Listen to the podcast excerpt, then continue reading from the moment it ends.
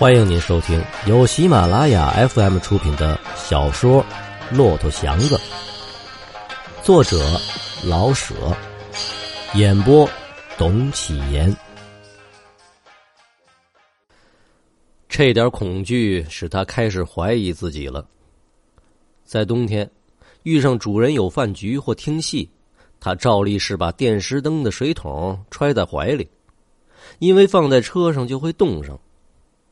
刚跑了一身热汗，把那个冰凉的小水桶往胸前一贴，呵，让他立刻哆嗦一下。不定有多大时候，那个水桶才会有点热乎气儿。可是，在平日，他并不觉得这有什么说不过去。有时候揣上它，他还觉得这是一种优越。那些拉破车的根本就用不上电视灯。现在，他似乎看出来。一月只挣那么些钱，而把所有的苦处都得受过来，连个小水桶也不许动上，而必得在胸前抱着。自己的胸脯那么宽，仿佛还没有个小桶值钱。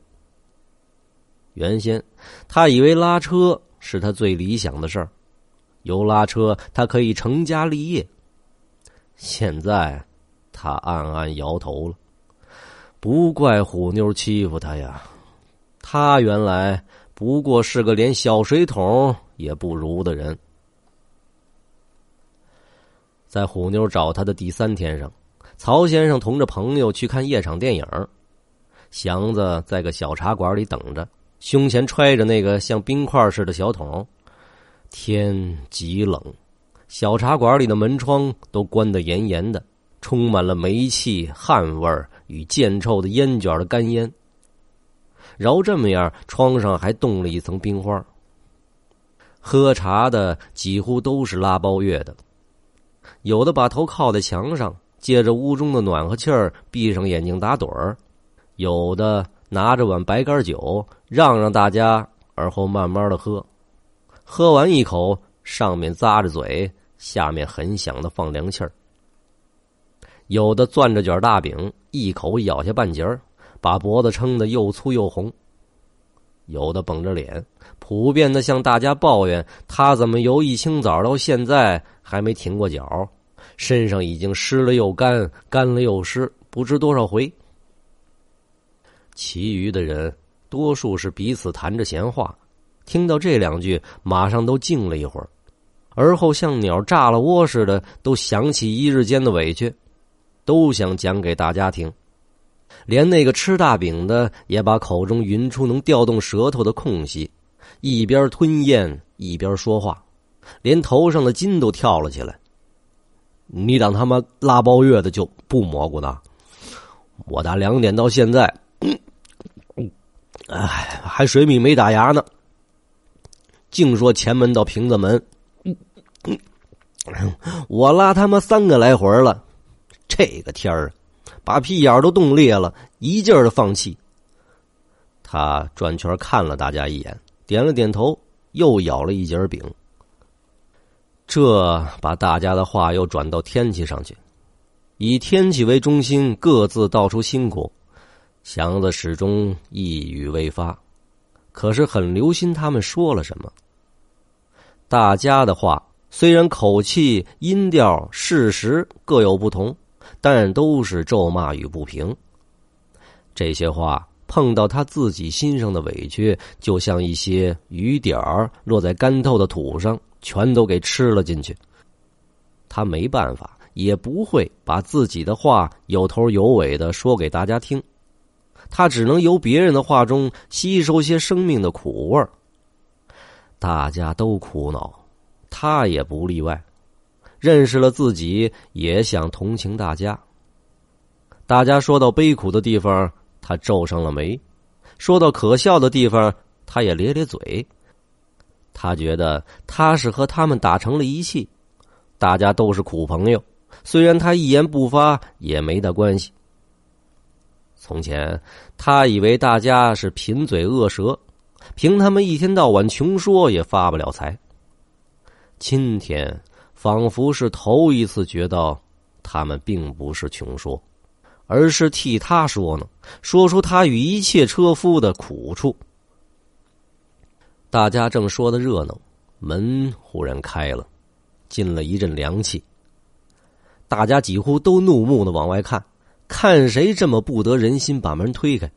可大家越着急，门外的人越慢，似乎故意的磨蹭。茶馆的伙计半急半笑的喊：“嘿，快着点呗！我一个人的大叔哎，别把这点热气都给放了。”这话还没说完，门外的人进来了，也是个拉车的，看样子。已有五十多岁，穿着件短不够短、长不够长、莲蓬篓似的棉袄，襟上、肘上都已露了棉花，脸似乎有许多时日没洗过，看不出肉色只有两个耳朵冻得通红，红的像要落下来的果子。惨白的头发在一顶破小帽下杂乱的滋滋着。眉上、短须上都挂着些冰珠。一进来，摸住条板凳便坐下了，挣扎了说了句：“哎，欺乎！”这个茶馆一向是包月车夫的居处，像这个老车夫在平日是绝不会进来的。大家看着他，都好像感到比刚才所说的更加深刻的一点什么意思。谁也不想再开口。在平日，总会有一两个不很懂事的少年，找几句俏皮话来拿这样的茶客取取笑。今天，没有一个出声的。茶还没有沏来，老车夫的头慢慢的往下低，低着低着，全身都出溜下去了。大家马上都站了起来。哎，哎，怎么了？怎么了？说着，都想往前跑。别动！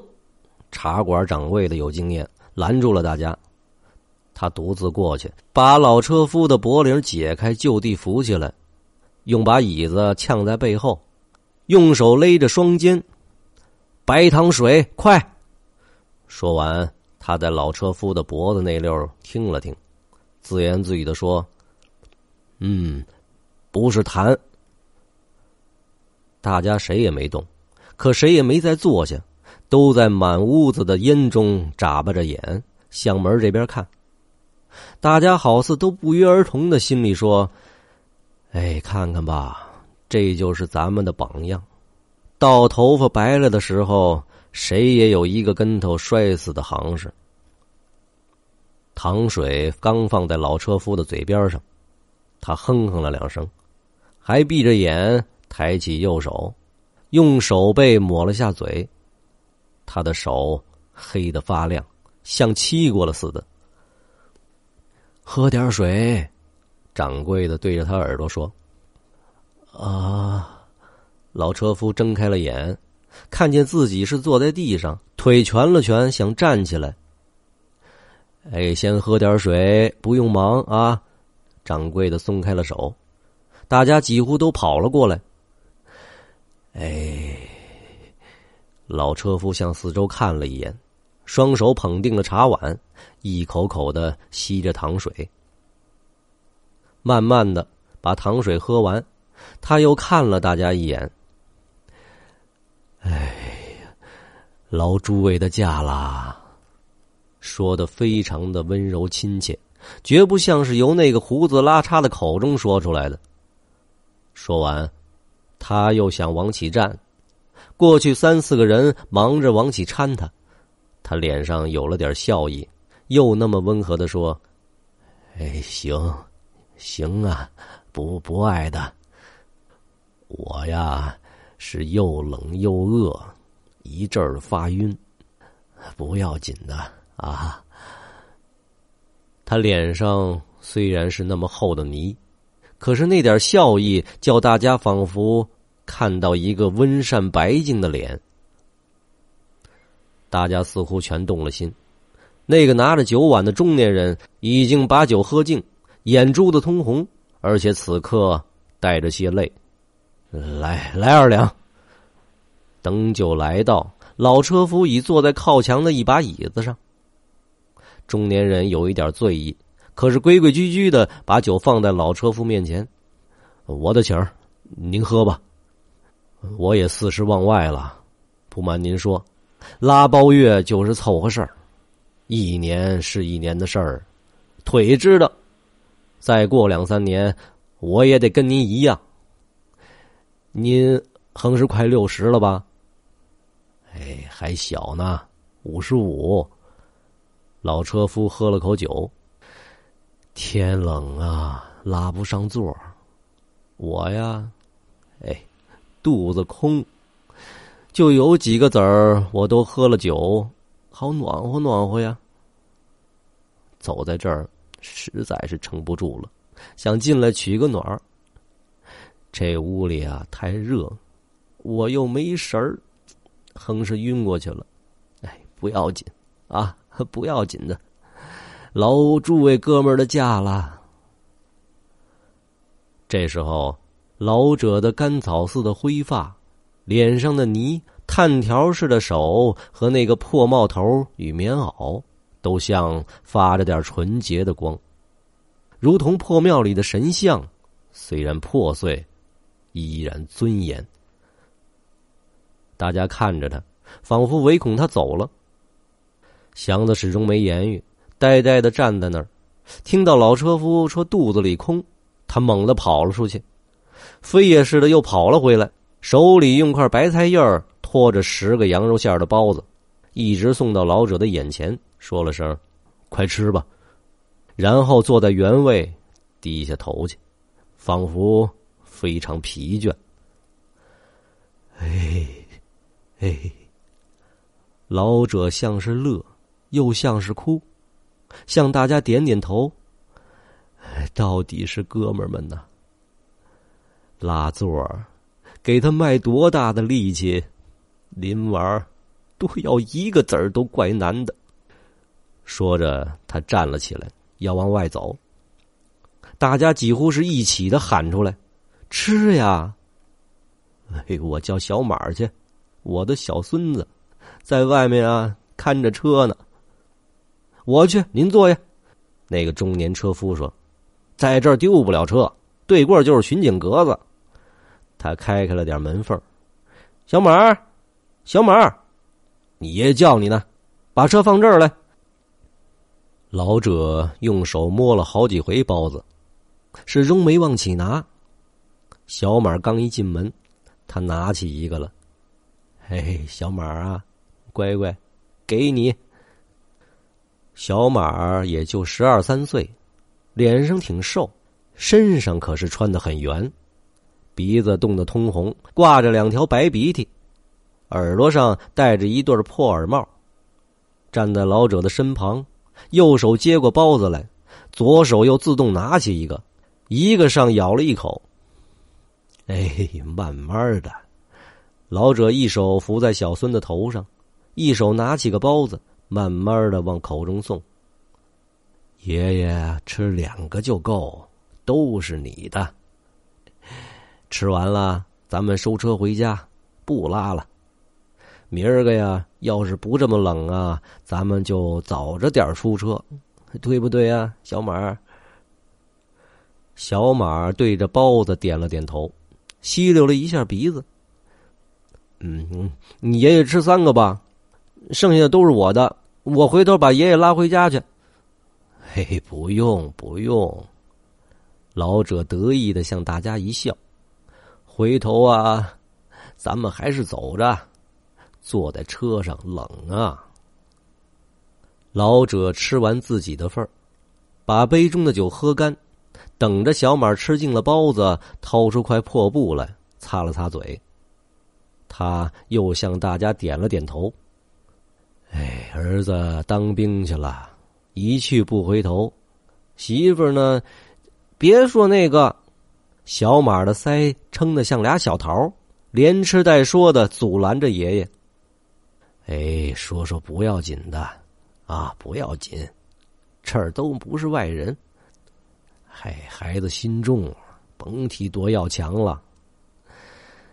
媳妇儿走了，我们爷儿俩就吃这辆车，车破呀，可是我们自己的，就仗着天天不必为车份着急，哎，挣多挣少的，我们爷儿俩苦混吧，没办法，没办法呀。小马把包子吃的差不离了，拉了拉老者的袖子：“爷爷，咱们还得拉一趟，明儿个早上还没钱买煤呢。都是你，刚才二十个子儿拉后门，依着我就拉，您偏不去。明儿早上没有煤，看您怎么办？”“嘿嘿，哎，有法子，爷爷会去赊五斤煤球，哎，还揉点劈柴。”嘿，对喽，好小子，好小子，吃吧，吃完咱们也该活动着了。说着，老者站起来，绕着圈向大家说：“老诸位哥们的驾了。”他伸手去拉小马，小马把没吃完的一个包子整个塞在口中。大家有的坐着没动，有的跟出来。祥子头一个跟出来，他要看看那辆车。一辆急迫的车，车板上的漆已经裂了口，车把上已经磨得露出木纹，一只稀里哗啦的破灯，车棚子的支棍用麻绳捆着。小马在耳朵帽里找出根洋火，在鞋底上划着，用两只小黑手捧着，点着了灯。老者往手心里吐了口唾沫，抄起车把来。哎，明儿见了，哥们儿们。祥子呆呆的立在门外，看着这一老一少和那辆破车。老者一边走还一边说话，语声时高时低。路上的灯光与黑影，时明时暗。祥子听着，看着。心中感到一种向来没有过的难受。在小马身上，他似乎看见了自己的过去；而在老者身上，似乎看到了自己的将来。他向来没有轻易撒手过一个钱，现在他觉得很痛快，为这一老一少买了十个包子。直到已看不见了他们，他才又进到屋中。大家又说笑起来，他觉得发乱，汇了茶钱又走了出来，把车拉到电影院门外去等候曹先生。天真冷啊，空中浮着些灰沙，风似乎是在上面疾走，星星看不甚真，只有那几个大的在空中微颤。地上并没有风，可是四下里发着寒气。车辙上已有几条冻裂的长缝子，土色灰白，和冰一样凉，一样硬。祥子在电影院门外站了一会儿，已经觉出冷来，可是不愿再回到茶馆去。他要静静的独自想一想。那一老一少似乎把他最大的希望给打破了。老者的车是自己的呀。自从他头一天拉车，他就决定买自己的车。现在还是在为这个志愿整天的苦奔。有了自己的车，他以为就有了一切。可是，看看那个老者，哎，他不肯要虎妞，还不是因为自己有买车的愿望？买上车，省下钱，然后一清二白的娶个老婆。哼，看看小马。自己有了儿子，未必不就是那样啊？这样一想，对虎妞的要挟似乎不必反抗了。反正自己跳不出圈去，什么样的娘们不可以要呢？况且他还许带过几辆车来呢，干嘛不享几天现成的福？看透了自己，便无需小看别人。虎妞就是虎妞吧，什么也甭说了。电影散了，他急忙的把小水桶安好，点着了灯，连小棉袄也脱了，只剩了件小褂他想飞跑一气，跑忘了一切，摔死也没多大关系。